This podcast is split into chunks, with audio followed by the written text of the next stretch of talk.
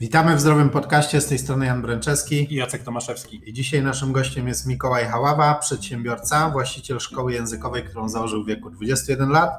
W przeszłości organizator międzynarodowych eventów w największych miastach w Polsce. Aktualnie jest też inwestorem. Mówi biegle i naucza dwóch języków, angielskiego i hiszpańskiego. I osobiście uważam, że to najbardziej uśmiechnięty człowiek, którego znam. Cześć, Cześć. Mikołaj. Cześć Wam, bardzo Cześć. mi miło. Super. No myślę, że porozmawiamy dzisiaj trochę właśnie o tych różnych mieszankach. Tutaj przedsiębiorca, inwestor, yy, lektor języków. Ale powiedz, jak to wyglądało, jeżeli chodzi o Twoje początki? No, początki były bardzo ciekawe z racji tego, że znaczy jak powiem początek, to roz, rozumiem, że rozmawiamy o karierze zawodowej. Tak. No, więc moja pierwsza. z tego znam. tak, tak, tak. To, to, była, to, to jest fajna historia, bo ja zaczynałem w McDonaldzie i pracowałem generalnie, moim obowiązkiem było bycie na kasie oraz przewracanie frytek, tak na zmianę, więc no nie był to najbardziej jakby, nie byłem rekinem biznesu wtedy.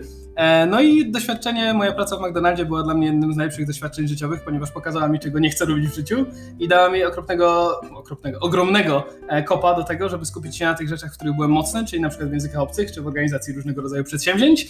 E, no i dzięki pracy w McDonaldzie zrozumiałem, że chciałbym pracować chciałbym robić coś, co mnie w życiu jara, coś, co mnie kręci i coś, w czym jestem dobry. Także to był bardzo, bardzo ciekawy początek.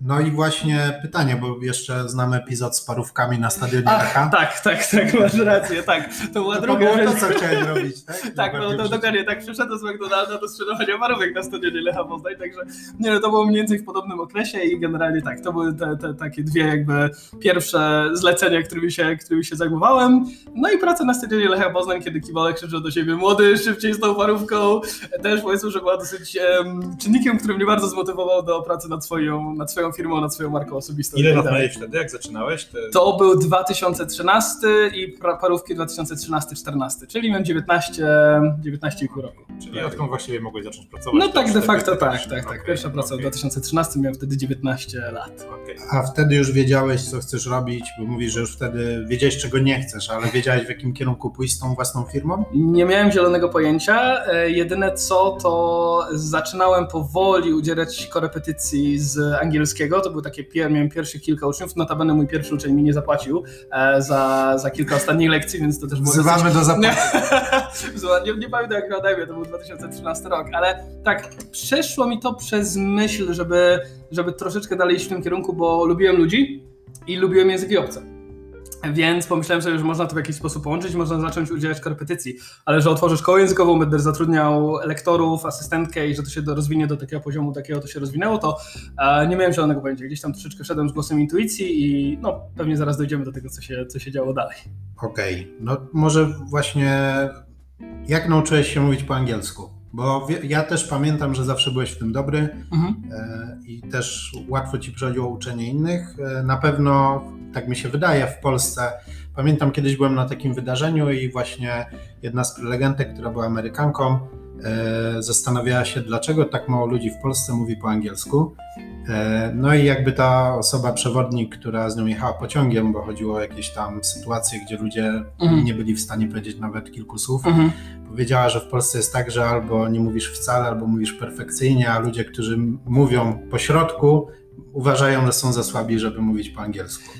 Coś w tym jest, coś w tym jest. Na pytanie, jak e, nauczyłem się angielskiego, troszeczkę jest mi trudniej odpowiedzieć, ponieważ zacząłem lekcje już gdzieś tam w szkole podstawowej, rodzice wysłali mi na dodatkowe zajęcia. Ja zawsze lubiłem e, angielski, nie uważam, żebym miał jakiś ogromny talent do języków, ale, ale lubiłem i to jest coś, co coś, co pomaga. Natomiast generalnie chodziłem na dodatkowe zajęcia, oglądałem filmy i starałem się łączyć naukę języka angielskiego z rzeczami, które lubię, czyli na przykład jak siedziałem na YouTubie oglądałem najlepsze gole Ronaldinho czy Zidana, bo tam jakby w tamtych czasach to, to byli tacy piłkarze.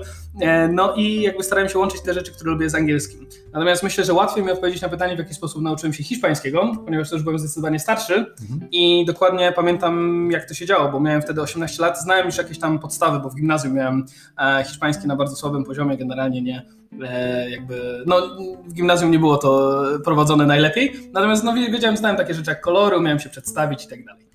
Natomiast w wieku 18 lat, na przełomie tam, jak miałem 18-19 lat, to był ten rok maturalny, postanowiłem przyłożyć się do tego hiszpańskiego i zdać maturę z tego hiszpańskiego. No i rzeczywiście bardzo dużo uczyłem się samemu.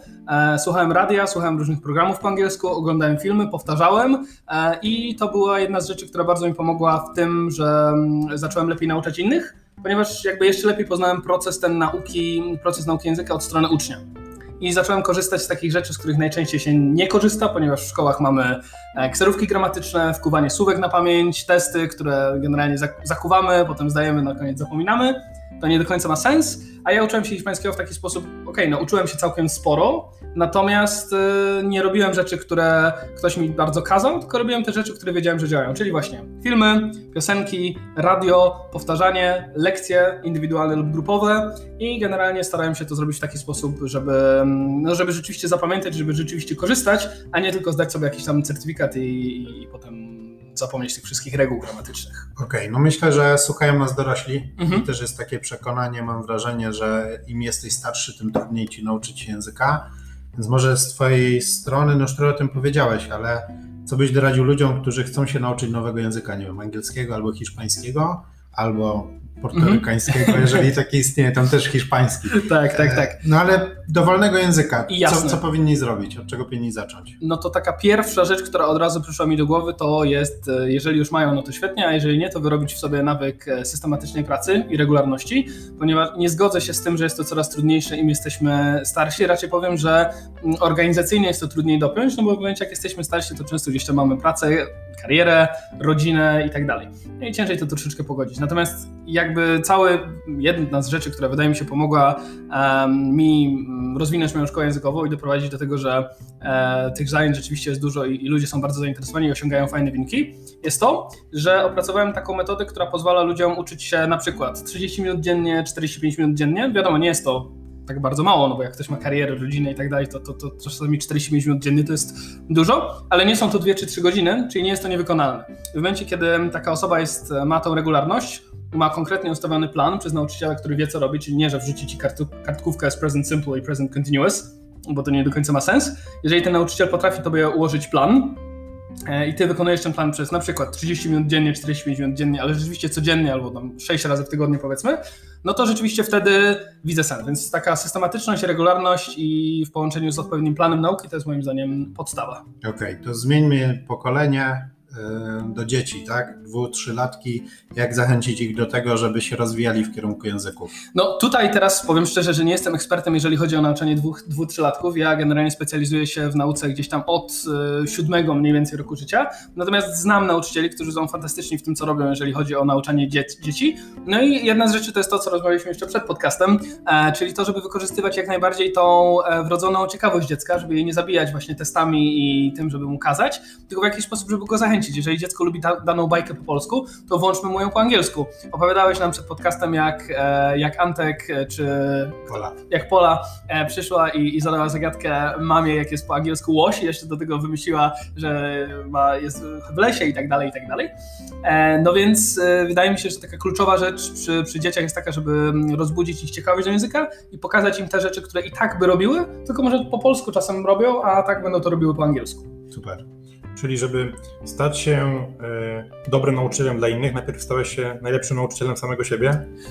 Ta, bardzo, bardzo fajnie to, tak, tak, bardzo fajnie to zabrzmiało. Myślę, że to ma bardzo duży sens to, co powiedziałeś i tak jak mówię, jeżeli masz perspektywę też ucznia w sobie, czyli jesteś osobą, która sama się czegoś uczy, na przykład języka, to też łatwiej, to też łatwiej nauczyć tego języka kogoś innego. Okej, okay, to skąd zatem pomysł, żeby uczyć innych? Bo sam się nauczyłeś dlatego, że po prostu sam chciałeś znać, mieć umiejętność znać nowe języki. Mhm mhm. i zdecydowałeś, że fajnie by było to przekuć w sposób na życie, w mhm. sposób na zarabianie pieniędzy i, i sprzedawanie tej wiedzy innym. Mhm. Jak to wszystko się u Ciebie w ogóle zaczęło, jakby jeżeli chodzi o tę działalność? Y, dobra, to jest świetne pytanie. Mam nadzieję, że mamy trzy godzinki. Oczywiście żartuję, postaram się streścić, ale to pytanie, które mi zadałeś, łączy się z kilkoma innymi historiami, więc tak e, nadam temu kontekst. E, to wyglądało w ten sposób, że w latach, e, że w roku 2014 zajmowałem się kilkoma rzeczami naraz i jakby to było ok, bo szukałem swojej drogi. Między innymi zajmowałem się marketingiem sieciowym, który nauczył mnie mnóstwa fajnych umiejętności, dzięki temu poznałem bardzo dużo ciekawych ludzi. Kolejna rzecz, którą robiłem, to organizowałem międzynarodowe wydarzenia w kilku miastach w Polsce. No i w tym samym czasie studiowałem.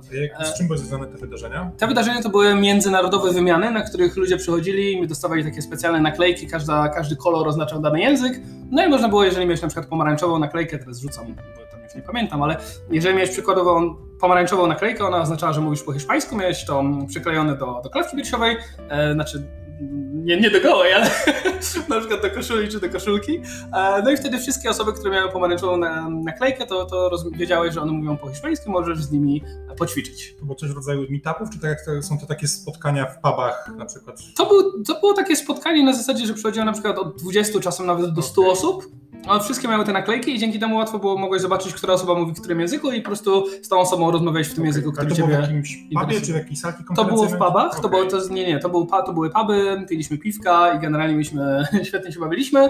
No przy okazji ćwiczyliśmy języki obce, również byłem współ, współorganizatorem takich wydarzeń jak Kręgle dla obcokrajowców, czyli chodziliśmy, graliśmy w bowling, rozmawialiśmy w różnych językach. Raz zorganizowałem imprezę w tramwaju w Poznaniu, jeździliśmy tramwajem, e, też było bardzo zabawnie, oczywiście tam nie piliśmy alkoholu, e, bo w tramwajach nie wolno, Także generalnie no, dużo było tych imprez międzynarodowych. Mm, Erasmusi tam przychodzili ludzie, którzy po prostu lubią języki obce, to był świetny projekt. No i to była jedna z rzeczy, którym, którymi się zajmowałem.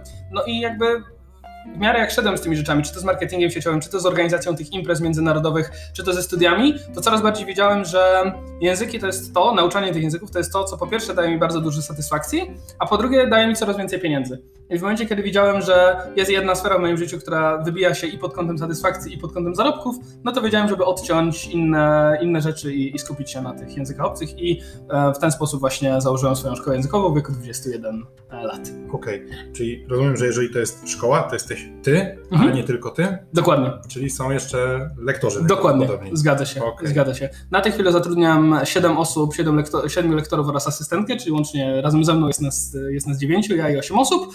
E, no jest to fantastyczna przygoda, bo bardzo dużo nauczyłem się pod kątem właśnie zarządzania firmą, pod kątem marketingu, pod kątem budowania marki osobistej, zatrudniania ludzi, e, czasami zwalniania. Niestety też się zdarzyło. Także generalnie no, e, bardzo dużo nauczyłem się podczas tego całego projektu. Jaki jest wasz zasięg, jeżeli chodzi o osoby, skąd uczycie, skąd są, skąd są wasi uczniowie? Mhm, to są generalnie, my prowadzimy, specjalizujemy się w wyprowadzeniu zajęć indywidualnych mhm. albo w małych grupach, czasem dwu, trzyosobowe, ale generalnie najczęściej są to zajęcia e, indywidualne, jeden na jeden i są to ludzie z całej Europy. E, zdarza, jakby zdarzają nam się osoby z na przykład e, z z różnych krajów, z Niemiec, z Francji, z Wielkiej Brytanii, z Irlandii, z Włoch, z różnych krajów ludzie się zgłaszają, ale oczywiście większość żeby jest z Polski. Żeby uczyć się też polskiego, tak? Y, nie, nie, żeby uczyć się angielskiego, Aha, bo to są Polacy, okay. którzy mieszkają w innych krajach, okay. ale chcą pobrać, bo na przykład ktoś mieszka sobie w Wielkiej Brytanii i okej, okay, on się dogada, ale chciałby ten język mieć na wyższym poziomie, żeby na przykład było to bardziej profesjonalne, żeby robić sobie akcent i tak dalej. I wtedy też tacy Polacy się zgłaszają. W jakim wieku są wasi uczniowie, jeżeli chodzi o zakres? Y, najmłodsza uczennica na tę chwilę ma 7 lat, naj najstarsza osoba ma około 60. Czyli pełne spektrum. Pełne spektrum. Najstarsza osoba, którą ja osobiście uczyłem, miała z tego co pamiętam 64 lata. Okay. Też bardzo fajne doświadczenie. Także e, i żeby było ciekawie, też takie osoby robią postępy. Wiadomo, że jakby to zależy od różnych czynników, nie tylko od wieku, ale jak najbardziej w każdym momencie można zacząć uczyć się języka obcego albo przynajmniej go szlifować. Super. Może wróćmy trochę do tej organizacji imprez, mhm. tak od strony właśnie biznesowej. Tak. No, z tego co mówisz, zresztą wydaje mi się, że jest taka nisza na rynku i dlatego odnosisz duże sukcesy na skuteczne uczenie języków. Mhm. E, ale właśnie nawet już ten pomysł z, tym, z tymi wymianami w pubach, tak to nazwijmy, no był jakimś taką niszą na rynku, którą też wykorzystałeś. I widać, że masz taką zdolność do właśnie wokół tych języków tworzenia jakiegoś produktu czy usługi, mhm. na które jest zapotrzebowanie na rynku. I wydaje mi się, że też właśnie ciekawe jest to, że tak naprawdę te, te wymiany, te, te spotkania, językowe w pubach, to był taki pomysł na biznes bez wkładu własnego. Tak dokładnie, tak dokładnie. Wszystkie rzeczy, którymi się w życiu zajmowałem, były de facto bez jakiegoś dużego wkładu własnego, co, co, co, co no, zaczynałem w McDonaldzie od sprzedaży parówek, więc no, za dużo sobie nie odłożyłem na, na, na, tych, na tych pracach. Także głęboko wierzę, że każda osoba, która gdzieś tam e, czuje w sobie tego ducha przedsiębiorczego, jest w stanie znaleźć coś, co bez jakiegoś dużego wkładu e, własnego, finansowego przynajmniej, coś, co może rozwijać. No i w mojej sytuacji rzeczywiście te imprezy były praktycznie bezskładowe. No potrzebowaliśmy trochę pieniędzy na marketing, ale to były kwoty na zasadzie kilkadziesiąt złotych e, w reklamy w, na portalach takie jak Facebook czy Instagram, e, no więc no kilkadziesiąt złotych to było coś, co można potem było przekuć, na przykład w kilkaset organizując kilka fajnych imprez. Okej. Okay. E, jeżeli chodzi o te wydarzenia, tak? Ile byłeś w stanie zarobić z organizacji takich imprez? Mm, w najlepszym miesiącu zarobiłem 2000 zł na czysto. Byłem wtedy studentem, miałem 20 lat generalnie piłem sobie piwko z obcokrajowcami e, i zarobiłem 2000 zł na czysto na tym, że właśnie takie imprezy organizowałem. Także dla mnie jako 20-letniego studenta był to fantastyczny dodatek. Super. E, powiedziałeś też wcześniej, że no, miałeś epizod z marketingiem sieciowym, tak. zresztą tak się poznaliśmy. Dokładnie. E, więc jakie jest w ogóle Twoje spojrzenie na temat, właśnie czego się nauczyłeś? Możesz powiedzieć nawet bardziej mhm. szczegółowo, no bo dzisiaj jesteś odnoszącym sukcesy przedsiębiorcą, mhm. uśmiechniętym gościem, który podróżuje i lubi życie.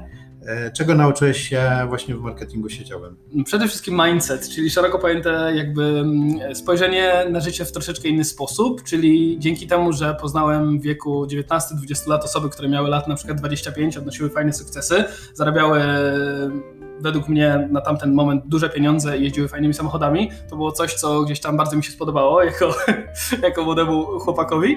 No i było i, i ten mindset i to spojrzenie na to, że można, że jeżeli, że jakby tam dużo dużo wyniosłem takich jakby takich przekonań na zasadzie jak chcesz to możesz. I teraz oczywiście życie pewne rzeczy weryfikuje, różne rzeczy się w życiu starzają i tak dalej, natomiast generalnie takie podejście, że naprawdę można, da się i jeżeli chcemy, jesteśmy gotowi włożyć pracę i włożyć pewnego rodzaju wysiłek i, i robić po prostu e, te rzeczy, które może nie zawsze nam się chce, ale jeżeli jesteśmy mm, w stanie uczyć się i, i, i, rozwijać, to jesteśmy w stanie naprawdę osiągnąć fajne rzeczy. Także to jest taka bardzo ważna, bardzo ważna, bardzo ważna lekcja, którą wyciągnąłem z marketingu sieciowego. No i myślę, druga rzecz sprzedaż, bo nauczyłem się sprzedawać w takim nienachalnym sensie, przynajmniej taką mam nadzieję, z tego co obserwuję idzie wszystko w porządku.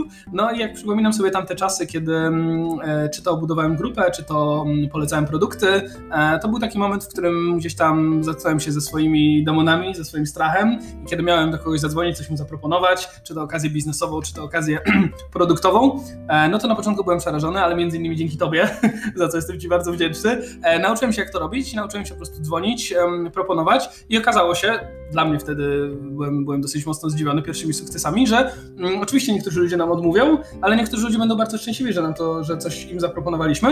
E, no i wydaje mi się, że dzięki temu też o wiele łatwiej przychodziło mi później dzwonienie do pubów, organizacja międzynarodowych wydarzeń, e, rozmowy rekrutacyjne z aktorami, e, które ja prowadziłem jakby zatrudniając ich. I, FM to była taka, taka, taka cegiełka, która położyła pewnego rodzaju fundament, e, cały marketing sieciowy to była taka cegiełka, która położyła fundament pod mój dalszy rozwój jako, jako przedsiębiorcy i później też jako inwestora. Super. Ja bym jeszcze dopytał Cię o taką rzecz związaną z tymi e, eventami, mhm. jeżeli chodzi o nauczanie, ponieważ e, Chciałem się cię z jednej strony zapytać o to, jaki jest jeden twój patent na nauczanie mhm. języków obcych. Ty wcześniej wspomniałeś, że chodzi o konsekwencje, mhm. ale z drugiej strony, organizując te spotkania językowe, no, często rozmawiałeś z native'ami. Mhm. Tak. To jest chyba coś, co jest tutaj kluczowe nie powiedziałbym, że kluczowe, ale powiedziałbym, że warto, natomiast y, rozmowy z native'ami stosunkowo łatwo zorganizować dzięki takim portalom jak na przykład iTalki, gdzie są różne osoby, które nie specjalizują się w nauczaniu, tylko po prostu jakby oferują konwersacje. Przez to, że nie specjalizują się w, nauczaniu i nie są jakby mm, lektorami tak jakby oficjalnie, no to też nie pobierają bardzo dużych kwot za te zajęcia, więc y, zorganizowanie konwersacji z native speakerem raz w tygodniu nie jest ani bardzo trudne, ani bardzo kosztochłonne. Natomiast ja bym nie skupiał się aż tak bardzo na konwersacjach z native'ami. To mogą być Polacy, którzy nauczają języka, którzy się dobrze nauczyli języka. No, ja, ja, sam jestem e, Polakiem i na, nauczam tego tych dwóch języków obcych z sukcesami, więc, więc wierzę, że, że to nie musi być native speaker. Mm, natomiast rzeczywiście regularny kontakt z tym językiem i ta systematyczność to są takie, to są takie klucze. Te dwa filary. Tak jest. A jeżeli chodzi o nauczenie się szybkie, bo wielu osobom w tym mhm. systematyczność się kojarzy z tym, że to ma trwać długo. Mhm. Rok, dwa, mhm. trzy, może pięć, może dziesięć. E, co zrobić, żeby się nauczyć języka tak, jak ty się hiszpańskiego nauczyłeś mhm. w rok?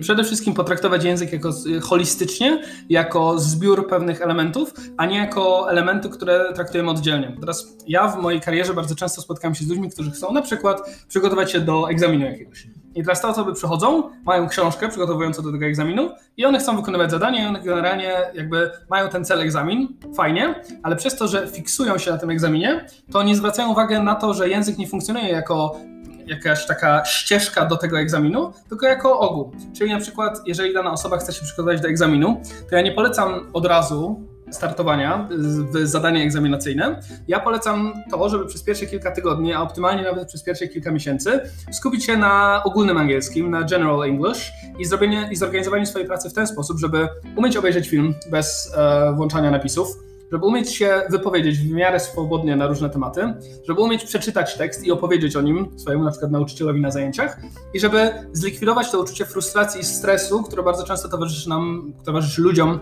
e, w procesie nauki. W tym momencie, jeżeli potraktujemy ten język holistycznie, jeżeli mamy dobrze ułożony plan przez nauczyciela, który zna się na rzeczy, jeżeli jesteśmy systematyczni i łączymy to, co lubimy z nauką języka, plus traktujemy ten język holistycznie, czyli nie wybieramy, że teraz muszę robić tylko gramatykę, tylko właśnie traktujemy ten język e, jako zbiór pewnych elementów układanki, które musimy jakby traktować razem, jako coś wspólnego, no to w tym momencie wychodzi to o wiele lepiej i ja widzę fantastyczne wyniki na przestrzeni od 3 do 6 miesięcy. Wiadomo, jest to oczywiście zależne od osoby. Niektórzy rekordzista, z którym współpracowałem e, w pierwsze trzy miesiące, nauczył się tak języka, że od poziomu 0 e, po trzech miesiącach prowadził spotkania biznesowe w Hiszpanii. E, to był, to był język hiszpański, to był taki rekordzista w sensie pozytywnym, tylko też trochę wariat. Mam nadzieję, że nas słucha, to tego serdecznie polecam. Natomiast to jest człowiek, który potrafił wtedy, nie, nie wiem jak jest teraz dokładnie, ale wtedy, bo to był 2017 rok, no to on wstawał o godzinie 4, od godziny 4 do 8 sam się uczył, a o 8 miał lekcję ze mną. Ja tam zaspany, 7.50 budzik. Czyli te 5 godzin dziennie poświęca. E, no on poświęca bardzo dużo czasu i dlatego tak szybko od poziomu absolutnie podstawowego w 3 miesiące doszedł do poziomu wręcz można powiedzieć średnio zaawansowanego czy zaawansowanego, ale to są takie, no to są jednostkowe przypadki. Zdarzają się też ludzie, którzy wiecie, w hiszpańskim jest tak, że czasowniki się odmienia. Czyli o ile po angielsku w takim podstawowym czasie mamy powiedzmy dwa, jakby dwie podstawowe odmiany, czyli na przykład play i place, tak? No bo w trzeciej osoby dodajemy literkę S, no to niestety po hiszpańsku, kiedy mówimy czasownik grać, na przykład hugar, to już mamy w tym momencie sześć odmian, tak jak mamy polsku gram, grasz, gra, gramy, gracie, grają.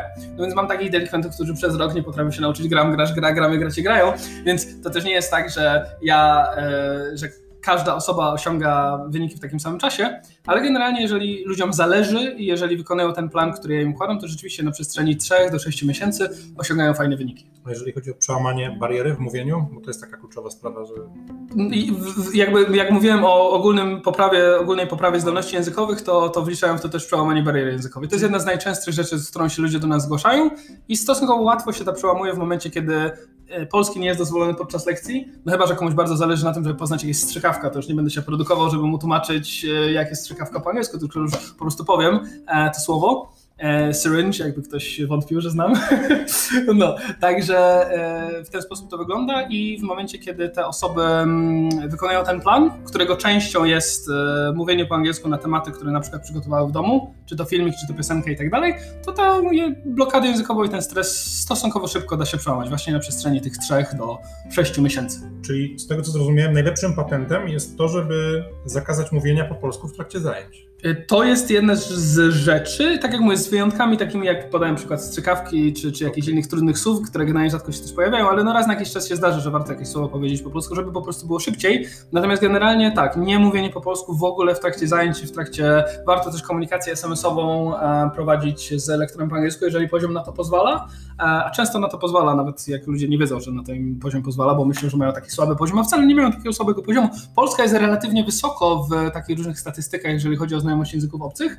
Problem jest taki, że wszelkiego rodzaju testy i kompetencje i tak dalej często są na papierze i często są związane z gramatyką, no a w końcu nie o to chodzi i bardzo często ludzie jednak chcą też dobrze mówić, no i w tym między innymi ja się specjalizuję. Rozumiem, że celem jakby tego, żeby też nie mówić e, po polsku na zajęciach, mhm. jeżeli tego sytuacja nie wymaga, jest mhm. to, żeby można było popełniać te błędy tak. i się uczyć na nich, Dokładnie. żeby nikt się nie bał ich popełniać. Dokładnie, bo na błędach się uczymy, a poza tym niektóre z błędów, które w książkach gramatycznych są określane jako błędy, e, no native speakerzy nie zdają sobie sprawy, że to są błędy i tak jak do, no to może dosyć brutalny przykład, ale jako pierwszy przyszedł mi do głowy, tak, no włączać, tak, wiemy, że mówimy włączać, a jednak mówmy się, no dosyć dużo osób mówi włączać, tak, e, i teraz jeżeli każdy taki błąd będziemy traktować i od razu tego ucznia poprawiać, to ten uczeń najprawdopodobniej szybko się zniechęci i nie będzie to efektywne.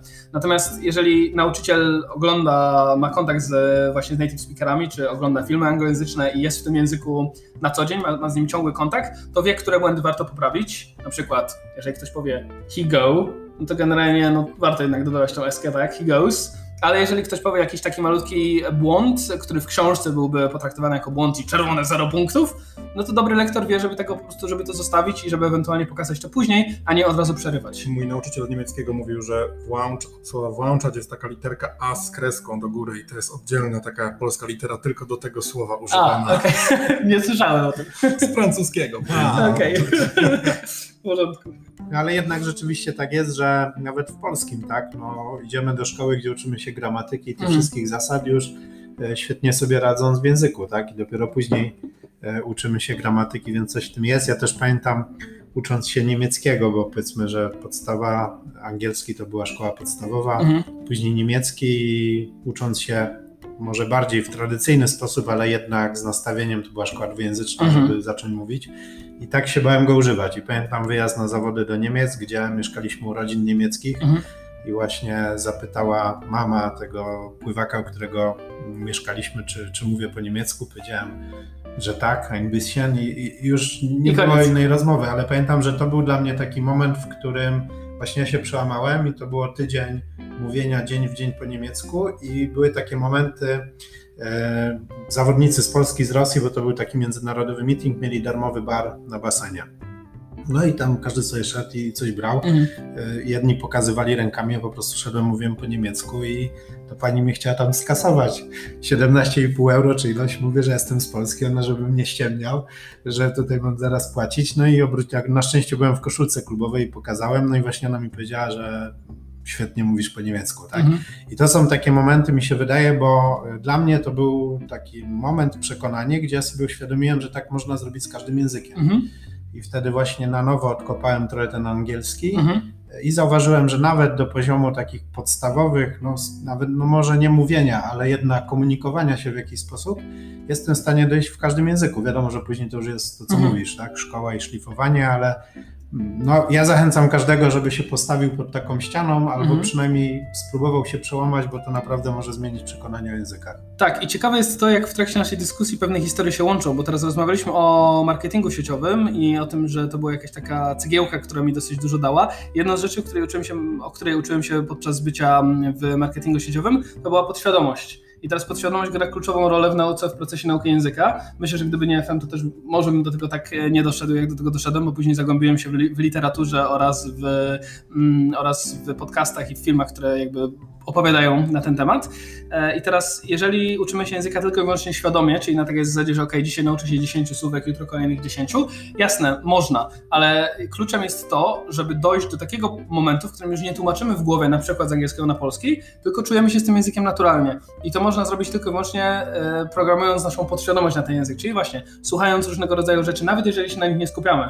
Tak jak jesteśmy na przykład w, w Londynie w metrze i gdzieś tam sobie leci angielski. I nawet jeżeli ich nie rozumiemy. Nawet jeżeli tego nie rozumiemy, to jest kluczowe. Ja bym powiedział, szczególnie jeśli ich nie rozumiemy. Nie da się najpierw zacząć rozumieć angielskiego, a potem zacząć go więcej słuchać.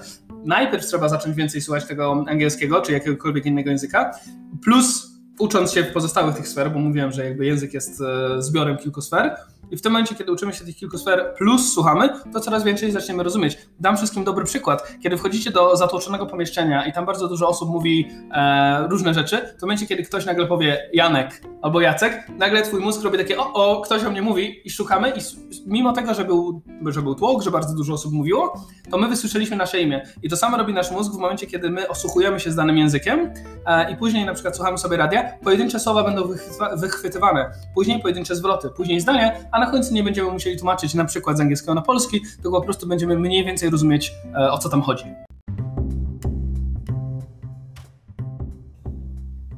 Mikołaj, co ci daje nauczanie języków obcych e, poza tymi korzyściami finansowymi? Na pewno jedna z rzeczy to jest e, satysfakcja, ponieważ bardzo fajnie jest obserwować wyniki uczniów, czyli w momencie, kiedy jest grupa ludzi, pokaźna grupa ludzi, która rzeczywiście robi wyniki, e, pisze pozytywne opinie, poleca dalej swoim znajomym i między innymi dzięki temu przez marketing szeptany firma się rozwija. To jest na pewno e, duża satysfakcja. E, myślę, że kolejną rzeczą jest to, że uczę się przechodzę, jestem teraz na etapie zmian w swoim życiu. Tak jak kilka lat temu potrafiłem poprowadzić kilkanaście lekcji dziennie, 12-14 to była norma, a maksimum to było taki mój rekord, to, to 16 e, lekcji w ciągu jednego dnia poprowadziłem. No i od y, mniej więcej półtora roku zacząłem obserwować, że nie mam już e, takiej wytrzymałości, przynajmniej pod kątem e, zajęć, bo nadal jakby jestem aktywnym człowiekiem i bardzo dużo robię, e, ale zauważyłem, że muszę zmienić swój styl życia, ponieważ już po prostu zwyczajnie mój organizm przestał dawać radę. W pewnym momencie odzywało się moje gardło. I mniej więcej półtora roku temu zaobserwowałem, że, że miałem pewnego rodzaju pierwsze symptomy, które mnie zaczęły martwić, mm, więc na przestrzeni ostatniego półtora roku tak pozmieniałem wszystko, tak pozmieniałem organizację pracy i zatrudniłem na tyle osób, że jestem w stanie teraz pracować kilka godzin dziennie, a nie kilkanaście. No i jakby jest to fajna rzecz, ponieważ no, cały czas jest to przedsiębiorstwo. Tak jak na początku zaczynałem tylko i wyłącznie z pasji do języków i jakby nie miałem zielonego pojęcia, że tak to się rozwinie. Tak, w momencie, kiedy zaczęło to przynosić już jakby konkretne e, pieniądze i wymagać bardzo konkretnego nakładu czasu, to zacząłem się właśnie nad tym zastanawiać, w jaki sposób nie tylko zarabiać, ale w jaki sposób ogólnie żyć, czyli to tak jakby e, zacząłem zadawać sobie troszeczkę głębsze pytania i czy to dusza, czy to intuicja, czy, czy, czy zależnie w jaki sposób to nazwiemy, ale coś w środku um, zaczęło mi pokazywać, że, że um, chciałbym też szukać innych dróg e, i nie zajmować się po kilkanaście godzin dziennie pracą. E, no i rzeczywiście na przestrzeni ostatniego półtora roku to zmieniłem i to mi też pokazuje, że, że jestem w stanie dokonać jakby różnego rodzaju zmian, tak żeby po prostu mieć ten balans, bo Janek na początku mówił o work-life balance, e, no i to jest coś, co, czego właśnie się uczę e, i coś, co coraz lepiej mi wychodzi. No właśnie rozmawiając o, o tym work-life balance, z jakich technik korzystasz, dlaczego ten ostatnie półtora roku, to był taki rok przebudowy, można powiedzieć, wielu rzeczy, więc jakbyś się tym podzielił. Tak, dosyć duża przebudowa. Znaczy, ja, jeżeli chodzi o techniki, no, dużo różnych rzeczy w życiu przetestowałem i dużo książek przeczytałem. Z wieloma autorami i z wieloma guru się zetknąłem, którzy różnych rzeczy mówili. E, no i rzeczywiście z tych osób, które, z tych technik, metod y, i, i, z tych rzeczy, które proponują te osoby, niektóre rzeczy odrzuciłem, no bo jakby nie były do końca, nie pasowały mi w jakiś sposób, a inne wykorzystałem. Jedną z rzeczy, która zaraz powiem o tym, o tym, co chciałem powiedzieć, ale dodam jeszcze jedną rzecz. E, uważam, że jeżeli chodzi o cały rozwój osobisty, to nie powinno to być e, parcie do szeroko pojętego sukcesu, takiego właśnie na zewnątrz, te wszystkie e, rzeczy, które, mm, jak mówimy sukces, to, to wiele osób myśli o, o dużej ilości pieniędzy i tak dalej. Ja uważam, że sukces to jest coś, co powinniśmy sobie najpierw ze spokojem w głowie zdefiniować i później dążyć do rozwoju swojego charakteru i dążyć do rozwoju samego siebie w taki sposób, który jest zgodny z nami. Czyli to, że ktoś wstawia na Facebook post, że wstaje o 5 rano i jest taki super, taki jest super um, konsekwentny, to nie oznacza od razu, że my musimy wstawać o 5 rano, bo może my jesteśmy na przykład bardziej nocnym markiem albo sobą i idziemy spać o drugiej, wstajemy o 9, też jesteśmy produktywni. E, I oczywiście nie mam nic do ludzi, którzy wstają o 5. Ja do nich nie należę, nie wiem jak oni to robią, ale jak nie mam nic przeciwko. Chodzi mi tylko o to, że w pędzie i w tych wszechobecnych social mediach, w tych zdjęciach na Instagramie, w tym wszystkim e, pokazujemy to, co jest w naszych życiach najlepsze e, i wydaje mi się, że dosyć łatwo zacząć robić to, co inni ludzie, albo to, co inni autorzy, albo to, co inni mówcy motywacyjni mówią, że działa, mimo tego, że to nie do, nie do końca musi działać dla nas. I myślę, że to jest super temat, bo właśnie znowu wracając do tych autorytetów, mhm. chcemy mieć wyniki mhm. jak ktoś, tak? Tak jest. I próbujemy zrobić wszystko to samo, co mhm. on, od tego wstawania porannego po ten sam sposób odżywiania, po w ogóle taki sam sposób zachowania. Mhm. E, ja też wiem, że wiele osób tak robi, sam tak e, robiłem, ale w pewnym momencie też przestałem to robić, mhm. tylko e, zacząłem stosować podejście, o jakim mówisz, czyli zacząłem sprawdzać, mhm. co u mnie działa, co u mnie nie działa i trochę zacząłem dostosowywać te, też pod jakby swój typ osobowości, swój charakter. Dokładnie. Wiem, że też trochę z tym pracowałeś, jakbyś powiedział tak. więcej właśnie. Tak, tak, tak. To są jak dwie... odnaleźć siebie w tym, w tym całym zamęcie w mediach społecznościowych, ale jak odkryć siebie, kim naprawdę jesteś. Tak, to jest świetne pytanie i o ile e, wydaje mi się, że umiem na nie odpowiedzieć z punktu widzenia swojego, więc mam nadzieję, że któremuś słuchaczy to coś da, natomiast nie chciałbym powiedzieć, że to, co ja teraz powiem, to sprawi, że każdy z słuchaczy pozna siebie, bo to jest dokładnie to, o czym rozmawiamy, tak? Każdy z słuchaczy musi wybrać to, e, co mu pasuje i, i, i co chce wypróbować, więc ja powiem o tych rzeczach, które działają u mnie. E, wydaje mi się, może za 5 lat odsłucham tego podcastu i się puknę w czoło, ale wydaje mi się, że, że poznałem siebie dosyć dobrze przez te ostatnie lata, między innymi dzięki temu, że zrobiłem różnego rodzaju ciekawe testy, takie jak na przykład 16 Personalities e, albo test Galupa. E, to są takie dwa fantastyczne narzędzia. 16 Personalities jest darmowy e, i pokazuje nam poprzez zestaw pytań, jaki mamy taki typ osobowości. Myślę, że gdzieś tam pewnie w linkach do podcastu podacie ten test. Test Myersa-Briggsa to się, to się nazywa mm, inaczej, z tego co pamiętam. No i drugi test, który u mnie zrobił największą robotę, to był test Galupa. E, test Galupa jest płatny, co prawda, ale nie jakoś bardzo dużo i jest niesamowicie dla mnie wartościowy, ponieważ ja jestem e, taką osobą, która mm, lubi pracować, która lubi osiągać kolejne cele e, i zawsze była dosyć aktywna, zawsze lubiła mm, przejść do przodu i zawsze lubiła po prostu działać. No i test Galupa jest troszeczkę bardziej według mnie skoncentrowany jednak na karierze zawodowej, no i wygląda to w ten sposób, że po zadaniu wielu, wielu pytań, bo tam tych pytań jest ponad 100 z tego co pamiętam, z 34 tak zwanych talentów, tak zwanych pewnego rodzaju cech, wybiera nam pięć tych, w których jesteśmy jakby najmocniejsi. I poleca nam, z tym oczywiście też niektórzy się kłócą, że wcale nie jest to najlepsza droga podążania za swoimi siłami, no bo też warto rozwijać się w jakiś sposób, poprawiać swoje słabości, ale jakby skupmy się na tym teście Galupa, oni tam polecają, żeby generalnie działać w tych sferach, które naturalnie wychodzą nam dobrze. No i teraz dla mnie było to fantastyczne doświadczenie, ponieważ w momencie, kiedy zacząłem czytać o tych punktach, które oni nam napisali, miałem wrażenie, że wręcz znają mnie lepiej niż ja sam siebie znam e, i i zaczęli pisać o problemach, które ja mam, tak jakby po prostu obserwowali mnie z boku i, i wiedzieli. No i rzeczywiście wiedzieli, bo jeżeli ileś milionów osób wykonało ten test, e, odpowiedziało w podobny sposób na pytania co ja, no to ci ludzie są w stanie przeanalizować rzeczywiście, jakim typem osoby mniej więcej e, osoba, która wypełnia taki test jest. No i dla mnie takim, dla mnie pierwszym e, numerem jeden jakby w, tym E, w tym teście wyszło tak zwany achiever, czyli osoba, osoba osiągająca. E, no i jakby wyszły tam różne też inne rzeczy. Natomiast bardzo fajne, to było bardzo fajne, ponieważ zauważyłem E, pewnego rodzaju rzeczy, których może nie do końca u siebie widziałem i tam są też zaproponowane strategie, w jaki sposób sobie radzić z problemami. Przykładowo, jeżeli jesteś achieverem i bardzo potrzebujesz tego parcia do przodu i, i ciśnięcia tak zwanego, takiego hustling z angielskiego, e, no to wtedy bardzo często możesz mieć problem z zebraniem urlopu i jedną z rad było, z tego co pamiętam, to, e, żeby ustawić sobie wakacje, ustawić sobie urlopy z góry, z wyprzedzeniem, zapłacić je za nie, zaplanować, bo kiedy będziesz myślał o nich w trakcie roku, to nigdy się nie wyrobisz, bo zawsze zawsze będziesz chciał przejść do przodu w tych celach zawodowych i tak dalej, i tak dalej. Teraz dla osoby, która nie jest achieverem, e, może to brzmieć e, jakby, no, no, że nie powiedziałem teraz nic odkrywczego, ale dla osoby takiej jak ja, to naprawdę w pewnym momencie, teraz już mi to przychodzi o wiele łatwiej i naturalniej, ale w pewnym momencie dla mnie coś takiego jak urlop, dla mnie coś takiego jak wolne, dla mnie coś takiego jak godzina bez, e, bez podcastu, godzina bez książki, godzina bez pracy i godzina bez szeroko pojętego rozwoju osobistego była godziną straconą, a teraz jak na to patrzę z perspektywy, z perspektywy czasu, to wydaje mi się, że to nie było zdrowe podejście. Ja myślę, że to jest bardzo ciekawy temat.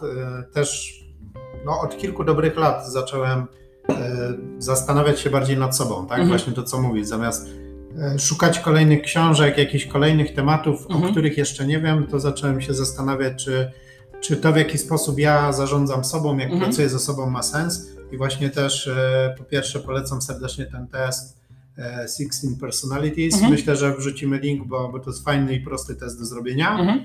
Mm, poza tym taki jeszcze Robert Rom, cztery typy osobowości. Akurat jak mhm. kiedyś byłem na jego wykładzie i to też, no pamiętam, że to był dla mnie taki pierwszy szok, szok mhm. że każdy z nas traktuje innych ludzi tak samo, że jakbyśmy mhm. byli klonami. A później się okazuje, że są ludzie, którzy mają inne typy osobowości, którzy zupełnie inaczej myślą, na inne rzeczy zwracają uwagę. E, ale ostatnio właśnie taki test, który też zrobiłem, e, to jest Understand Myself mhm. i on jest na bazie Jordana Petersona. Tak, Jordana Petersona. robiłem, robiłem. Bardzo fajna sprawa, tam jest na bazie właśnie takiej wielkiej piątki głównych e, cech, jakie są ogólnie w społeczności. Jest to zrobione w ciekawy sposób, tak, że na 100 osób w pokoju, ty, którą byś był, w sensie, że na mhm. przykład jest tylko jedna bardziej dominująca od ciebie albo żadna, Dokładnie. i tak dalej. I to, tak, to mi to dało bardzo dużo do myślenia, bo właśnie większość e, takich powiedzmy ogólnych podejść polega na tym, czy jesteś bardziej otwarty czy zamknięty, czy właśnie jesteś osobą dominującą czy uległą.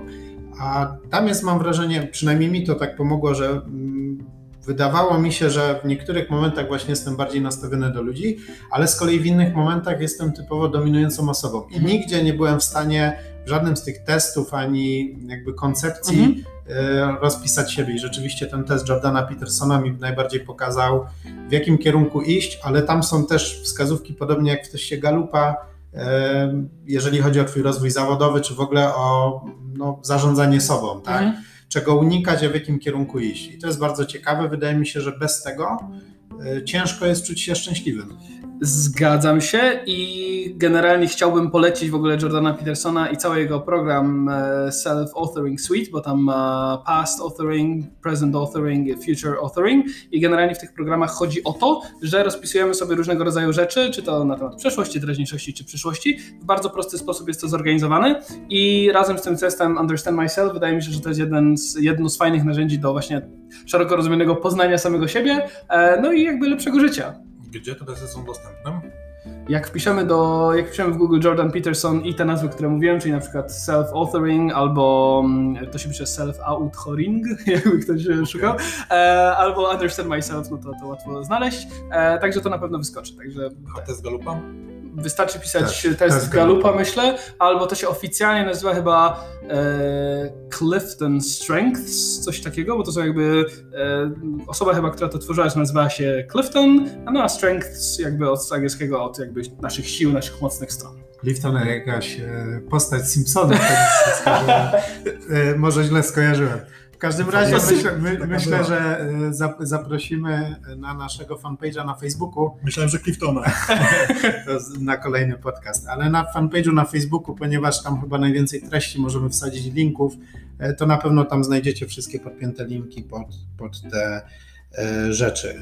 Ja bym jeszcze, bo, bo, też o tym rozmawialiśmy kilka, chyba wakacje nawet, albo no, mhm. w każdym razie kilka tygodni temu, e, książka Plemię Mentorów i myślę, że ona nawiązuje do tego, o czym tu rozmawiamy. Tak. Tam są e, historie różnych ludzi sukcesu i czasami E, strona po stronie nawzajem się autorzy wykluczają. Tak? Dokładnie, tak? to było fascynujące doświadczenie, jak to czytałem. I to też mnie zmusiło do tego, że no okej, okay, są ludzie, którzy mają totalnie inne podejście w życiu i mhm. jedni i drudzy odnoszą sukcesy, a patrząc na tą książkę, tam jest chyba 110 e, mhm. osób i tam właściwie jest 110 dróg na szczyt. I, I może właśnie poza tym, że polecam serdecznie tą książkę, E, może trochę jeszcze więcej o tym porozmawiajmy, tak? Właśnie o takim, no bo zwłaszcza wydaje mi się, że też e, w tym marketingu sieciowym, o którym tutaj e, trochę rozmawialiśmy, jest jednak takie bardzo uniwersalne podejście, czyli jest człowiek, wpakujmy go w tą ścieżkę i on odniesie sukces, nie? Mhm. A to się nie sprawdza. I, I, właśnie rozwój osobisty to też już jest coś, co mamy tak dostępne jak gumę do rzucia, mhm. a mimo tego ludzie sobie z tym nie radzą. Mhm. Właśnie dlatego, że próbują tej samej drogi, którą wybrał jakiś tam guru czy autorytet. Dokładnie. I ja bazując na podstawie wszystkich książek, które przeczytałem, bo trochę tych książek z tego szeroko pojętego rozwoju osobistego już przeczytałem, trochę filmów obejrzałem. E, takie osoby jak Jordan Peterson, to chyba nie, nie, nie znajdziecie filmu na YouTubie, którego Jordana Petersona nie znam. Bardzo to są wszystko ciekawe materiały i dużo można z tego wyciągnąć, tylko właśnie kluczem jest e, to, żeby w tych wszystkich radach, w tych wszystkich technikach i w tych wszystkich metodach nie zatracić samego siebie. Czyli to, co powiedziałeś, książka Plemię Metodów fantastycznie obrazuje to, że tak naprawdę te osoby nie podążały e, ścieżką ABC, bo tak powiedział Robert Kiyosaki, tylko robiły pewne rzeczy trochę po swojemu, trochę zgodnie ze swoim charakterem. E, no i wiadomo, że to może spowodować w jakiś sposób, w cudzysłowie, porażkę, bo coś nam nie wyjdzie, ale jeżeli to bycie sobą i znajdowanie tych rzeczy, które dają nam spełnienie i które działają u nas, jeśli to w dodatku przyniesie ten sukces zewnętrzny, czy to jest zbudowanie firmy, czy to jest jakieś mistrzostwo i tak dalej, to wtedy mamy gwarancję, że to będzie zgodne z nami i to nie będzie tak, że my coś osiągnęliśmy, e, bo się zmuszaliśmy do tego, bo ten autor tak mówił, że trzeba o tej piątej wstać, tylko raczej wszystko się spina i tak jak orkiestra na kilku poziomach jakby gra i te instrumenty tak się fajnie zgrywają, tak samo te różne sfery w naszym życiu mogą się w ten sposób zacząć zgrywać, jeżeli tylko właśnie nie przesadzimy z tym rozwojem osobistym i będziemy zgodni z samymi sobą. Myślę, że to co mówisz to jakby jest potwierdzeniem tego jak przebiegła twoja kariera, mhm. że naturalnie te języki to była pewna mhm no myślę, że i talent, i cecha osobowości, i wokół tego zacząłeś robić biznes, tak? Mhm, dokładnie. Więc nie, nie, zaczę, nie chciałeś być na siłę w wieku, nie wiem, 19 lat ekspertem od krypto, tylko poszedłeś w to, co współgra z tobą i myślę, że Dokładnie. warto to robić. Do czego zastosowałeś te wyniki tych testów, które zrobiłeś, jeżeli chodzi o te testy osobowościowe? Do czego to ci się przydało? Bo rozumiem, że najpierw zacząłeś wybrałeś ścieżkę nauczania języków obcych, mhm. E, a później dopiero poznałeś te testy i jak cię to Tak, to dalej? się zgadza, ale tak bym na to nie patrzył. Raczej, raczej bym spojrzał na to po prostu, że y, ciężko postanowić w życiu, że ok, teraz mam rok na poznawanie siebie i będę medytował i robił testy, które Janek i Mikołaj polecili w podcaście, e, a później zrobię firmę. U mnie to wyglądało w ten sposób tak raczej naturalnie, że po prostu pewne sfery się ze sobą przenikały, tak? I teraz w momencie, kiedy robiłem te testy, to pamiętam jak dziś, jak robiłem ten test Galupa i w momencie, kiedy zacząłem czytać o tych radach dla Achievera, to pomyślałem, że no okej, okay, to jest niby tak proste z boku, ale w momencie, kiedy jest się sobą i się nie, nie patrzy na siebie z boku, nawet jak się próbuje, znaczy można na siebie spojrzeć z boku, ale nie zawsze będzie to tak efektywne. I tamte rady, które tam były napisane, jakby otworzyły mi oczy na pewnego rodzaju proste rzeczy, które mogę zacząć robić w życiu, urlop, a których nie do końca, a których nie do końca, które nie do końca stosowałem. E, kolejna rzecz, którą zrobiłem, to zapisałem się na coaching i jest to jedna z rzeczy, która bardzo mi pomogła. E, kilka lat temu uczęszczałem też na mm, e, wizyty u psychologa, to oczywiście zupełnie co innego niż coaching, natomiast obydwie formy jakby spotkań z kimś, rozmawiania o różnego rodzaju rzeczach, czy to takich rzeczach, które nas gnębią, czy to po prostu rzeczach, w których chcemy się rozwijać i tak dalej. Uważam, że to ma bardzo dużą wartość. E, więc jak patrzę na te wszystkie testy, jak patrzę na te wszystkie coachingi, to, to się wszystko fajnie zazębia. No i wydaje mi się, że kluczem jest to, żeby po prostu zidentyfikować to, co nam nie działa, to, co chcemy poprawić, e, albo znaleźć to, gdzie po prostu mamy jakieś tak, tak zwane wąskie gardło e, i na przykład przez to nie możemy wyskalować firmy. Czy to jest firma, czy to jest nasze życie prywatne. Wydaje mi się, że te testy, o których powiedzieliśmy, czy to coaching, czy to różnego rodzaju rzeczy, które są dostępne na rynku, mogą nam pomóc, o ile to robimy w zgodzie ze sobą. Czy można powiedzieć, że e, właśnie no, działanie wbrew sobie powoduje często wypalenie zawodowe? Miałeś coś takiego? Na pewno można tak powiedzieć i ja to u siebie pierwsze takie właśnie e, symptomy, może nie do końca wypalenie zawodowe jako po prostu pewnego rodzaju ciągły stan, ale pewnego rodzaju mm, syndromy takiego wypalenia zawodowego zaobserwowałem u siebie, to było półtora roku temu. Co, to, co było ciekawe, rozmawiałem wtedy o tym z moim przyjacielem w kwietniu e, 2019, mówiłem mu, stary, coś jest nie tak, coś e, chyba przesadzam, chyba za dużo robię i coś czuję, że jest nie tak, ale daj radę, nie? To nie jest tak, że nie mogę, więc, więc, no, więc ja dam radę. No i jakby tak długo dawałem radę, aż przestałem dawać radę i, i wtedy jak, jak, te, jak w wakacje 2019 e, zacząłem odczuwać te różnego rodzaju właśnie nieprzyjemne rzeczy związane z no, takie oznaki wypalenia zawodowego, no to wtedy dokładnie zrozumiałem to, co, co powiedziałeś. Ten okres od kwietnia do czerwca to był czas, żeby wyluzować, a nie czas, żeby powiedzieć, dam radę. No bo co z tego, że dasz radę, jak koniec końców y, się e, zajedziesz? Że tak no, myślę, że to jest jeden z, tak, z takich mitów rozwoju osobistego, mm. tak? że im bardziej przesz do przodu i jest ci ciężej, tym większy sukces odniesiesz. I myślę, że bardzo tutaj nie pomaga e, Elon Musk na Twitterze, czy, czy, czy niektórzy ludzie na Instagramie, którzy rzeczywiście, może oni rzeczywiście są w stanie pracować po 120 godzin w tygodniu, tylko kwestia jest taka, to o tym Jordan Peterson fajnie pisze w książce, że kiedyś przed internetem to było tak, że jak byłeś w czymś bardzo dobrym, na przykład w swojej wiosce, no to byłeś w tym najlepszy i generalnie no jakby e, wszyscy wiedzieli, że ty jesteś od tego specjalistą. W momencie, kiedy jesteś na przykład świetnym sportowcem, świetnym triatlonistą, czy świetnym nauczycielem angielskiego, to okazuje się, że na świecie są setki jak nie tysiące, jak nie miliony osób, które są tak samo dobre jak ty, albo nawet lepsze.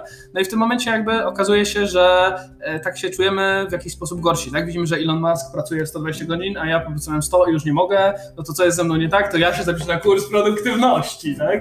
Więc no nie o to chodzi. E, no i wydaje mi się właśnie, że kluczem jest w tym wszystkim odnalezienie siebie.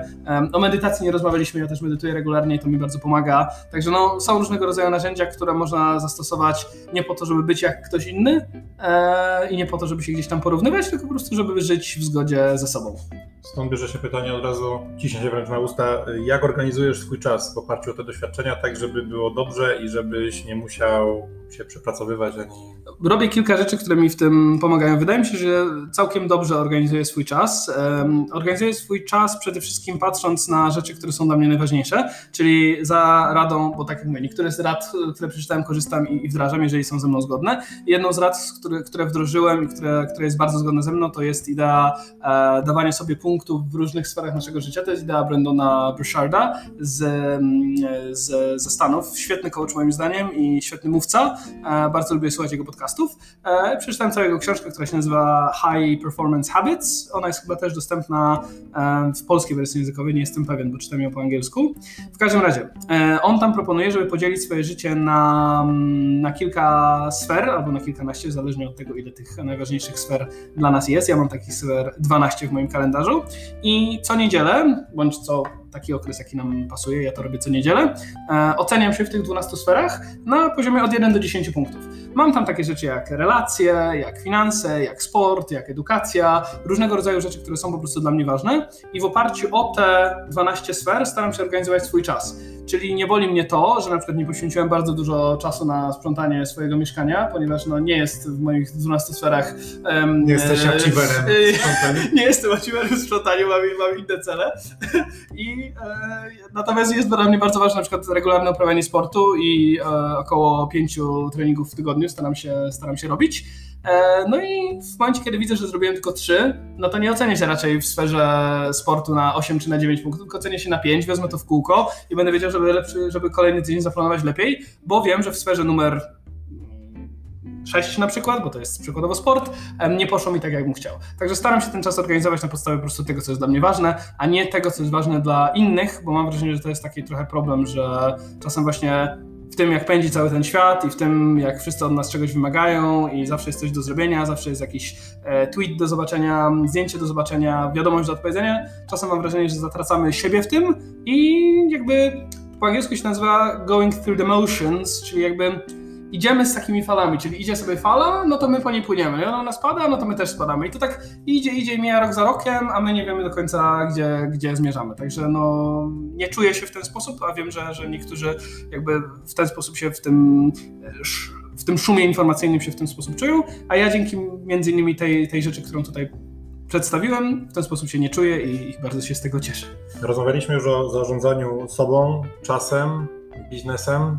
To wypadałoby jeszcze porozmawiać o, zarządzaniu pieniędzmi, bo to się też w jakiś sposób z tym wszystkim zazębia. Zgadzam Są się. pytania, jak ty zarządzasz tymi pieniędzmi, żeby to wszystko dobrze hulało, zarówno w firmie, jak i to twoje finanse osobiste i, i ewentualne inwestycje. Okej, okay. E, to jest też pytanie, które, y, na które moja odpowiedź byłaby troszeczkę inna jakiś czas temu, jak zaczynałem, a teraz, ponieważ teraz takim klucz, słowem kluczem jest dywersyfikacja, z racji tego, że no, dysponuję na tyle kapitałem, że jestem w stanie też inwestować jestem inwestorem, e, to jest jedna z rzeczy, którą się profesjonalnie zajmuję. Natomiast e, na początku powiedziałbym, że takim kluczowym słowem jest poduszka finansowa, czyli to mimo tego, że mamy najwyższą inflację w Unii Europejskiej według oficjalnych danych i mimo tego, że rzeczywiście rządy na potęgę drukują pieniądze, nadal uważam, że warto mieć przynajmniej taką poduszkę finansową, która pozwala nam na wypadek jakiegoś nagłego wydarzenia, takiego jak na przykład COVID i zamknięcie naszej restauracji, mieć e, takie kwoty, mieć taką kwotę, która pozwala nam przeżyć przynajmniej kilka miesięcy, a jak pokazuje przykład COVID-u, no pierwszy lockdown był w marcu, potem troszeczkę wyluzowano, w wakacje, a teraz mamy kolejne um, lockdowny i kolejne problemy dla przedsiębiorców. Więc pierwsza rzecz to jest moim zdaniem poduszka finansowa, a w momencie, kiedy ta poduszka finansowa jest, no to jak najbardziej rozwój biznesu, rozwój inwestycji. Ja mam różnego rodzaju koszyki inwestycyjne i tak staram się dywersyfikować swój kapitał, żeby po prostu żadna część tego koszyka nie przeważała zbytnio nad innymi koszykami, no bo nie jestem, nie jestem osobą, która chciałaby tylko inwestycjami się zajmować uważam, że najlepsze zwroty z inwestycji możemy mieć w swoim biznesie, no bo jakby jest to coś, co, co znamy bardzo dobrze i, i, i w czym się specjalizujemy. Natomiast te inwestycje służą mi jakby temu, żeby, żeby te pieniądze, które, które uzbierałem przez ostatnie lata nie marnowały się, tylko po prostu pracowały same na siebie. Okej. Okay. Jeżeli chodzi o Twoje inwestycje, w co Ty inwestujesz i Mam co czujesz najbardziej, jeżeli chodzi o inwestycje? Pytanie, co czuję najbardziej jest bardzo ciekawe. Nie zastanawiałem się nad tym w ten sposób. Staram się w miarę na chłodno podchodzić do swoich inwestycji. E, raczej bardziej emocjonalnie podchodzę do rzeczy, które, e, na które poświęciłem bardzo dużo czasu, tak jak na przykład rozwój firmy, czy, e, czy na przykład mój samochód, który sobie kupiłem po tym, jak 4 lata wisiał na ścianie i gdzieś tam codziennie rano się budziłem i patrzyłem na to, na to auto i, i wiedziałem, że bardzo, bardzo, bardzo go chcę. To w czym ci idzie najlepiej? Może nie kończyć, co czujesz, a w czym ci idzie najlepiej, jeżeli chodzi o te inwestycje? W czym idzie najlepiej? Wydaje mi się, że w, to, to też nie jest pytanie, na które mógłbym odpowiedzieć wprost. Jeżeli chodzi o wyniki obecnie, to najlepiej w nieruchomościach i w kryptowalutach, z racji tego, że w kryptowaluty włożyłem założyłem stosunkowo nieduży, zresztą uważam, że tak powinno się robić generalnie przy, przy takich inwestycjach, które są wysoce ryzykowne, jakby z definicji warto tam włożyć niewielką część kapitału, natomiast ta niewielka część kapitału w momencie, kiedy e, ja inwestowałem w Bitcoina, jak był za całkiem atrakcyjne kwoty między, e, między tysiącem a dziesięcioma tysiącami dolarów, co już wtedy brzmiało jak dużo,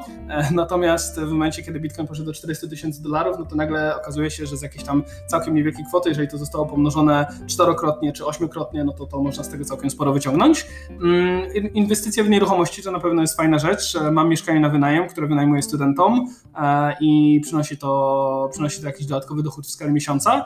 Raz na jakiś czas, jak zdarzają się okazje, mam wielu znajomych na rynku nieruchomości, robimy tak zwane flipy, czyli kupujemy mieszkanie, staramy się poniżej wartości rynkowej, jeżeli znajdziemy taką okazję, bądź po prostu w okazyjnej cenie. E, szybko robimy tam pewnego rodzaju remont lub pewnego rodzaju e, usprawnienia, po czym sprzedajemy to mieszkanie za wyższą cenę. W taki sposób da się też wygenerować fajne dodatkowe pieniądze.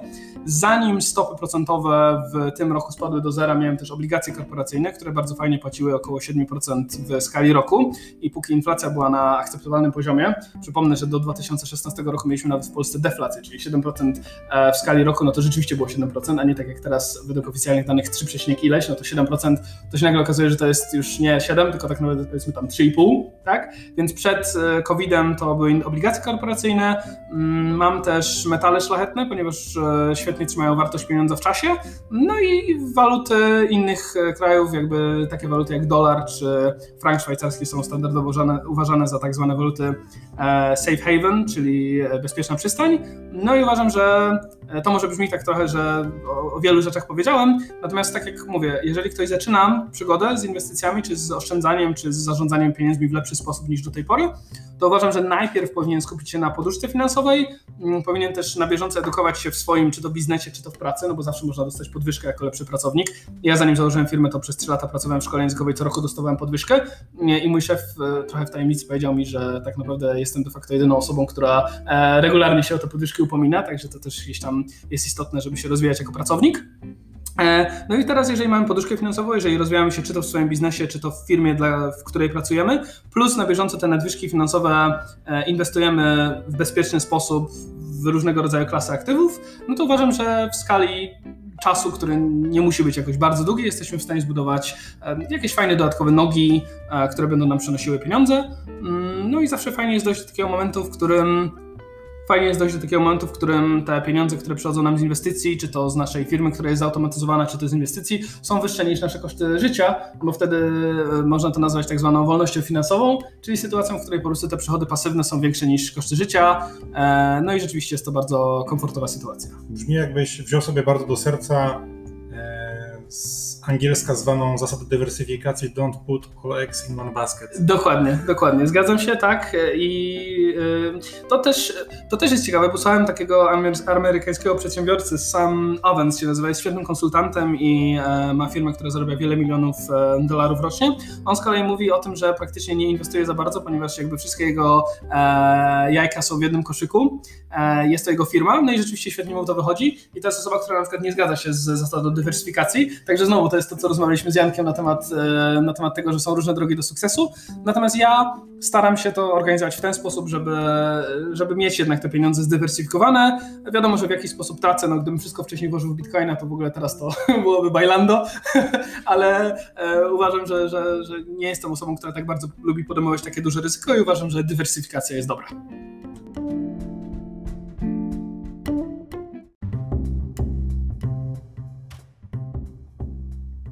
Okej, okay, Mikołaj, brzmisz jakby zarabianie pieniędzy było bardzo proste, e, budowanie majątku banalne. Czy rzeczywiście tak jest? Czy zarabianie pieniędzy jest łatwe, czy trudne? Jak to wygląda z Twojej perspektywy? Bardzo ciekawe pytanie. Y, słowo banalne, to tak, tego słowa bym nie użył, ale powiem szczerze, że jak zaczynałem całą swoją przygodę, jak przewracałem parówki na stadionie NH Poznań krzyczeli do mnie kibole, jak e, stałem za ladą w McDonaldzie i zestawy two for you, ludzie mówili dwa foru e, i generalnie jakby różne były ciekawe krew, historie. Krew cię zalewała. Krew mnie trochę zalewała, generalnie jak, jak zarabiałem 8 zł za godzinę, to na pewno bym tak nie powiedział. E, na pewno bliższy tego, tego stwierdzenia, że zarabianie pieniędzy jest proste, jestem teraz, ale to tylko i wyłącznie dzięki edukacji. Jakby nigdy nie stawiałem na edukację państwową, No nigdy to jest za dużo powiedziane, bo jakby zacząłem się tym wszystkim interesować tak bardziej, jak miałem 19 lat i, i zacząłem właśnie pracować. Natomiast w momencie, kiedy zacząłem czytać książki na ten temat e, i edukować się w tej sferze, czy to dzięki szkoleniom, które mieliśmy na przykład w marketingu sieciowym, czy dzięki tym wszystkim książkom, które, które przeczytałem, no to okazało się, że tak samo jak wiele sfer w naszym życiu, dużo zależy od podświadomości i w momencie, kiedy my żyjemy no, Polska nadal jest, mam wrażenie, te pieniądze są w jakiś sposób tematem tabu. nauczyciele, którzy są z nami, którzy nas uczą w szkołach, nie zarabiają, jakby podstawowa pensja nauczycielska nie jest zbyt wysoka. E, rodzice różnie, niektórzy zarabiają więcej, niektórzy zarabiają mniej, ale jeżeli przez na przykład 18 lat chodzimy do szkoły, a po szkole wracamy do domu i wszędzie mamy w jakiś sposób obraz tych pieniędzy jako czegoś ciężko dostępnego jako e, coś, co, co no nie jest proste, to nie jest proste zarobić i nie jest proste otworzyć firmę, no to wydaje mi się, że to w oczywisty sposób, w jakiś sposób przechodzi do naszej podświadomości i później idziemy przez całe dorosłe życie myśląc, że zarabianie pieniędzy jest trudne. Moim zdaniem zarabianie pieniędzy jest e, proste, jeżeli wiemy w jaki sposób to robić, jeżeli rozwiązujemy realne problemy na rynku, jeżeli dostarczamy wysokiej jakości rozwiązania, jeżeli mamy podstawowe umiejętności z dziedzin takich jak e, marketing, e, zarządzanie czy to czasem, zasobami ludzkimi, kapitałem. Natomiast ja wychodzę z takiego, jest taka fajna książka po angielsku, nie czytałem jej, ale znam autorkę tej książki jakby z podcastów i bardzo dużo jej słuchałem. Ona napisała książkę, która nazywa się uh, Everything is Figureoutable, co po polsku jest przetłumaczone jako e, wszystko jest do ogarnięcia. Wiem, że na przykład Marcin Osman zajmuje się wyda wydaje tę książkę.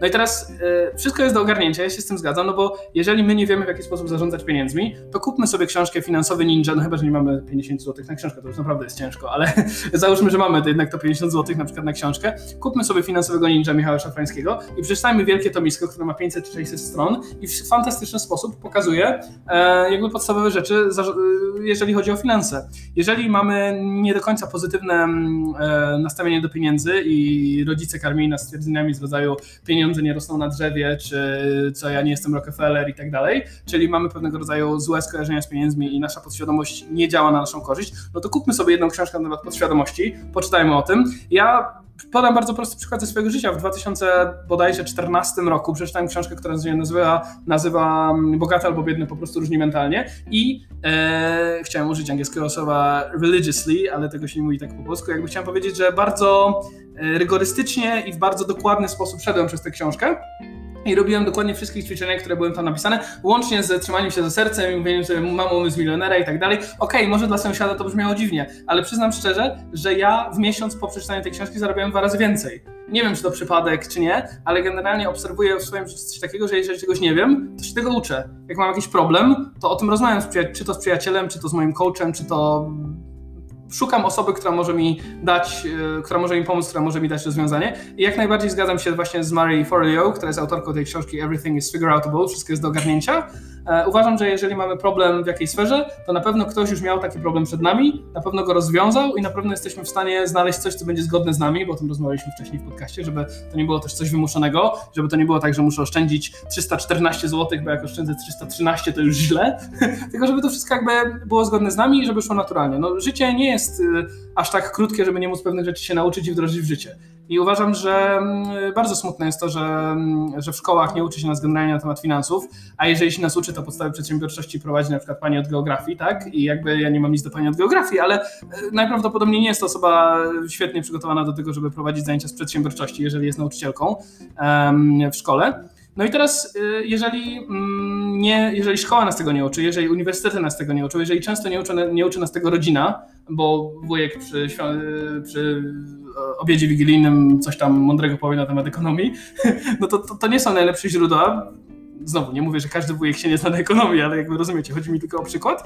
No i dlatego ja właśnie poszedłem w literaturę, poszedłem w filmy od, e, od ludzi, którzy się na tym zdają i rzeczywiście ta, te całe ostatnie, powiedzmy od 2013 roku, czyli teraz idzie ósmy rok edukacji, dało fajne rez rezultaty i uważam, że każdy jest w stanie osiągnąć lepsze rezultaty, nie wiem jakie, ale na pewno lepsze rezultaty niż ma teraz, jeżeli będzie się edukował, jeżeli będzie szukał odpowiedzi na te pytania, które ma. Super. No czyli można powiedzieć, że masz taką karierę od książek do milionera. Można tak to nazwać. Myślę, że naprawdę bardzo ciekawa rozmowa. Wszystkie linki, tematy, o których tutaj rozmawialiśmy, podlinkujemy pod podcastem i pod naszym postem na fanpage'u. No i wiem, że też zaczynasz, można tak powiedzieć, że zaczynasz, czy zacząłeś taką karierę E, konsultanta w rozumieniu e, doradcy, może to jest tak, lepsze słowo, tak, tak. doradcy. Konsultant, doradca, jest, to, to są na pewno dobre słowa, e, słowem coach też jest dobrym słowem, Różne, różnie się definiuje pewnego rodzaju ścieżki, jest mentoring, jest coaching, jest consulting i tak dalej, natomiast ja zaobserwowałem pewnego rodzaju, można nazwać popyt na to, ponieważ wielokrotnie występowałem w takich miejscach jak na przykład Uniwersytet Ekonomiczny w Poznaniu, czy miałem też przyjemność wystąpić w podcaście Mała Wielka Firma, który jest takim dużym polskim podcastem, byłem też zaproszony do tutaj naszej poznańskiej telewizji, do poranku WTK, poznaniacy będą wiedzieć, co chodzi. E, I, I, za każdym razem, jak czy, czy, też organizowałem swoje szkolenia, które e, miały nazwę, myślę nad organizacją kolejnego, natomiast te do tej pory miały nazwę mm, Wolność finansowa w praktyce. Czyli tam pokazywałem właśnie, jak osiągać ten dochód pasywny i osiągać tę wolność finansową.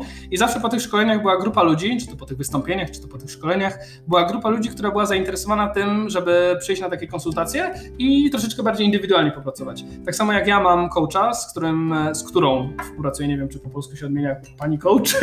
Nie wiem, wiesz, to, to trzeba każdym, zapytać już. W każdym razie mam coacha i współpracuję. mam coacha, współpracuję z coachem i uważam, że, jest to, że to daje dużą wartość w moim życiu. Tak samo ja raz na jakiś czas prowadzę takie konsultingi, szczególnie właśnie przy okazji takich różnych szkoleń czy wydarzeń, bo po prostu ludzie o to pytają. Więc jeżeli, te, jeżeli są słuchacze, którzy są zainteresowani tym, co dzisiaj powiedziałem i, i tą filozofią, którą reprezentuję, ja to nazywam Foundations Coaching, czyli jakby coaching bazujący na podstawach, ponieważ mam wrażenie, że to, co rozmawialiśmy dzisiaj o tym szumie informacyjnym i o tym szale e, i o tym byciu w biegu, że czasem zatracamy samego siebie. Odpowiedzi bardzo często są blisko nas. E, kwestia jest tylko taka, żeby umiejętnymi pytaniami i umiejętnymi narzędziami e, znaleźć te rzeczy, które nas w jakiś sposób blokują. Często, jest to rzeczy, często są te rzeczy, których nie widzimy, czyli jest to nasza podświadomość bardzo często. E, no i w tym momencie uważam, że e, osoba, która mm, e, prowadzi taki coaching czy to consulting, jeżeli jest w stanie te rzeczy wydobyć, no to taka osoba, która jest konsultowana, czy która ma ten coaching, jest w stanie bardzo szybko osiągnąć fajne wyniki. Obserwowałem to zarówno u siebie, jako u osoby uczęszczającej na takie konsultingi, jak i u osoby, której takie, która takie konsultingi dawała. E, więc jeżeli ktoś jest zainteresowany tą formą e, współpracy i, tą formą kontaktu ze mną, to e, serdecznie zapraszam do kontaktu. Mikołaj, mega dzięki, że nas odwiedziłeś, że podzieliłeś się wiedzą. Myślę, że tematów jest mnóstwo. W sumie myślałem, że to ja mówię szybko i dynamicznie, ale ty myślę, że mnie bijesz na łopatki. Ja bardzo lubię rywalizację, także bardzo się starałem. W takim razie trzeba będzie może powtórzyć w przyszłości i poruszyć pozostałe tematy, bo wielu nam się naprawdę jeszcze dzisiaj nie udało. Także dzięki bardzo. Dziękujemy. Dzięki wielkie panowie za rozmowę i dziękujemy bardzo słuchaczom. Dzięki, to był Zdrowy Podcast. Jesteśmy dostępni na Spotify, na YouTube, na Google Podcast i na SoundCloudzie a możecie śledzić to, co robimy na Instagramie i na Facebooku pod nazwą Zdrowy Podcast. Dzięki.